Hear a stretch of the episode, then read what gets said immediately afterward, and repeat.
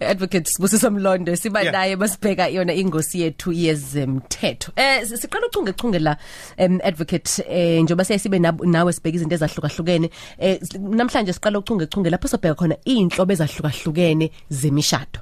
Eh siyayisifunde inkundleni zokuxhumana abantu bebika ukuthi hey ngizithole sengisesimene esithile ngingazi ukuthi kanti ngesikhathi ngisayina ngangivuma ukuthi ngelinye ilanga ngezinto zami pheceleza ama assets ngozithola sengisenkingeni. Kanti iya ekuthenini uhlobo luni lomshado onalo wayesekuqaleni ake sihlukanise Eh imshado ihlukene ihlukene kabili kahle kahle kodwa owesithathu ngizongenisa ngoba ilo wesintu nayo une une unemthelela kule embili engizoyibala.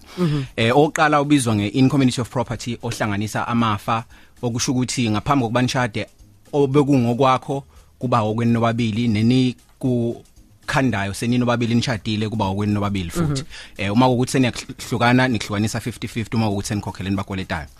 Owesibili eh ubizwa ngokuthi out of community of property. Eh uhlukene kabili ke lo eh khona i- i i- out of community of property with accrual meaning ukuthi eh ni wahlukanisile i- a- amalokhuzana amafa kodwa eni eni enikusebenzelayo nenikutholayo uma senishadile eh okwenobabili nizokuhlukaniselana uma kuukuthi seniyahlukana. Owesithathu i out of community of property without accrual meaning ukuthi okwami ebenginakho before okwami eh nengigeneratayo nengiba nakho engi- engikhandayo sesiqhubekela phambili still kuzoqhubeka kube okwami. Uma hlukana umuntu nomuntu uthatha kwakhe manje advocate njengoba ke uthando lusuke livutha amalangabi eh nomuntu wakho. Hey lusuke livutha abakithi anicabangi lezi zinto isikhathi esiningi. Eh kumiswa kanjani lapho? Ngoba mhlawumbe omunye angazathi ay ngoba ufuna shado umshado ohlukanisa amafa shuthi awungithandi kona kuye- kuyenzeka eh isikhathi esiningi kwenzeka uma kuukuthi em kunalokho esikubiza nge i- i- economic inequality. U- uthola ukuthi mhlawumbe umuntu wesifazane unama assets amaningi kunawendoda noma indoda inama assets amaningi naba- kunomuntu wesifazane. Eh o uma kuukuthi wesifazane unama assets une unempahla e- encane uzofuna naye ukubona ukuthi hayi uyavikeleka. Ekakhulukazi mayezobhekana nomndeni indoda kube iyona ehamba iyosebenza ukuthi eh yena ngesikhathi ebhekene nomndeni o- o- o- o- owesilisa u- u- u- u- uhlanganisa eh imali okuzoba amafa abo bobabili. So esikhathini esinjalo ama couple ayavumelana ukuthi eh hayi kulungile sizowahlanganisa amafa ngoba mina ngizobhekana nalokhu wena ongeke uzuzukubheke eh wena uzobhekana nokungenisa imali la ekhaya.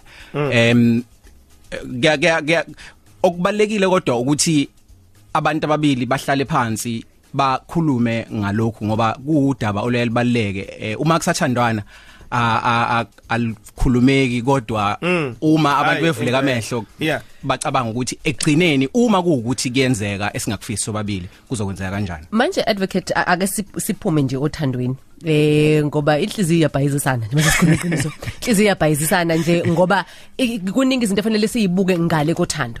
Asenze isibonelo uzoshada nomuntu yena uwumuntu osebenzayo ukwi corporate uthini uthini.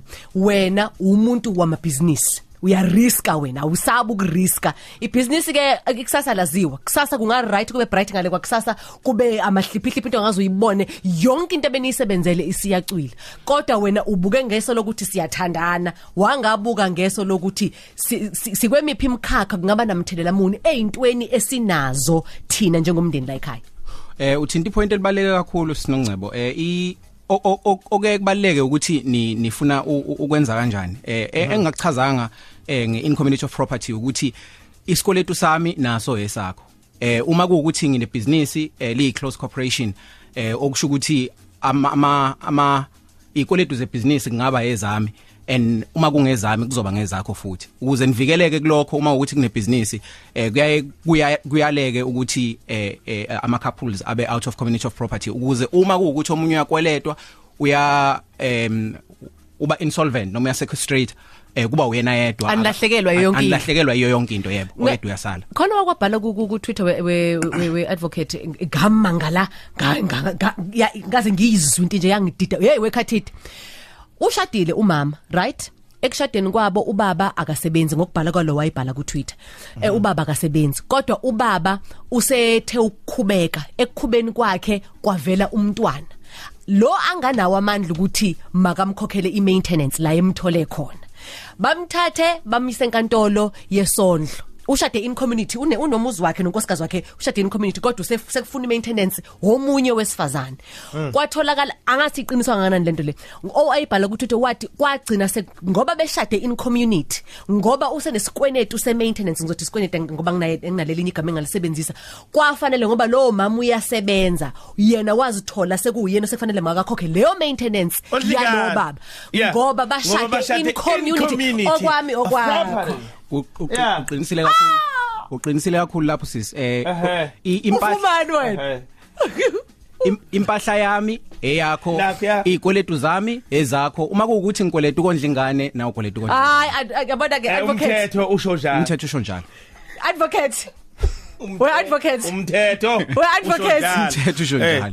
mlondo wayibeka le ndaba hey kahleni madoda yazi yabhlungu Oh, yeah. into ishoyo ibhlungu Ku- kuba kuba kuba nje ayikho into ayikho into ngathi mhlawumbe bengingazi anibheki ngani lo muntu bevele ephumi ephumele ngaphandle komshado. Akungeni konke lokho? Akusho lutho lokho. Akusho lutho. kubizwa ngejoint estate. Eh akusho lutho nongcebo yeah uma ubaba e- e- eshona izidingo zaleyo ngane sizobheka wena njengomama? Izidingo zaleyo ngane lezo. Yeah. uma eshona eh ku- kuzo i- i- i- i- i- kuzoya ngokuthi ubani inheritayo kodwa ku- ku- kufika umthetho kuthiwa interstate succession leyo ngane leyo inalo ilungelo Yeah. lokuthi ithole kwi kwi joint estate uma eshona ubaba engasebenzi ng- mina fanele ngiyikhulise ngiyondle inalo lonke ilungelo ngoba besishade in community kuyafana Yebo. amafa a- akho kuzofanele amanye Yebo. a- a- a- ahlukaniswe uyabona nje atholwe. mlondo nje abusa ngilokhu ngikuvumele njengoba ngiyazazi ezinye zalezi Ah, yindaba. nansi enye engicela engicela umcacisele yona futhi unongcebo mhlawumbe mhlawumbe akanalo ulwazi nale uyaphuma wesifazane kube uyena okhubekayo ke hamba yo Ehhe. bandakanya nenye indoda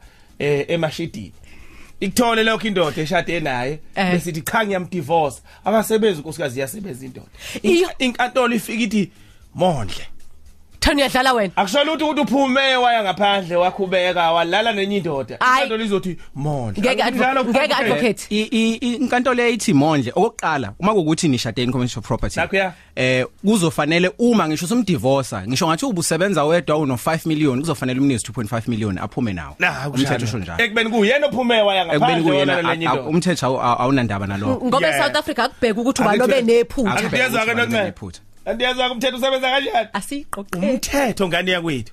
Ehe. Yebo. Mlando mfowethu imnandi lengxoxo ngicabanga ukuthi nangelinye ilanga sophinde siqhube futhi eh ngoba miningi imibuzo engicabanga abalali banayo nabangafisa ukuthi eh bayibuze ngeindaba ezithinta imshado. Engicabanga ukuthi ke njengoba umdidilo ohlelo eh edekuthinta nje sesiyobuye sibheka mhlambe ke ekuthenda nabalaleli ba- ba- ba- bayibheka kanjani. Nginombuzo wo- wokugcina we- wekhathide Yeah. nginakhona oncike e- entweni enge- engengayibona yenzeka. Advocate eh asishade eh nokhathide sesithe ukukhula khula sesike saphila unezingane zakhe nginezingane zami ingane zakhe zasebenza ingane zami zasebenza angifice ukhathide ngivele mhlambe ngizakhela umuzi wami. Izingane zami zi- zingilekelela. Ezakhathida zikaze zenze lutho nokhathida akazafake lutho mhlawumbe kule ndlu mayifakile mhlawumbe nje ufake nje mhlawumbe imali kasimende imali engatheni mawuqhathanisa nemali engakhe ngayo mina. Ngihambe ngihambe ngimbuka ukhathide ngithi mm, oh masishada bese kuba yimi ngizohlala kuleyo ndlu ay ay ay- ay. Ngizogana ngamanye amazwi cha yakhiwa yimina Ngi- Yeah. hayi khathida ube kahle. Cha ngiyabuza phela nongcebo ngihambe ngihambe nganele ilo khathide ngithi ngiyamshiya. Indlu ibiyakhiwa yingane zami. Nami ngiyasebenza kodwa ingane zami zi- ngempela zisifakile isandla ngoba ingane zami mhlawumbe zimbili zintathu. So uma ubali imali efakwe yingane mayiqhathanisa neyami. Yeah.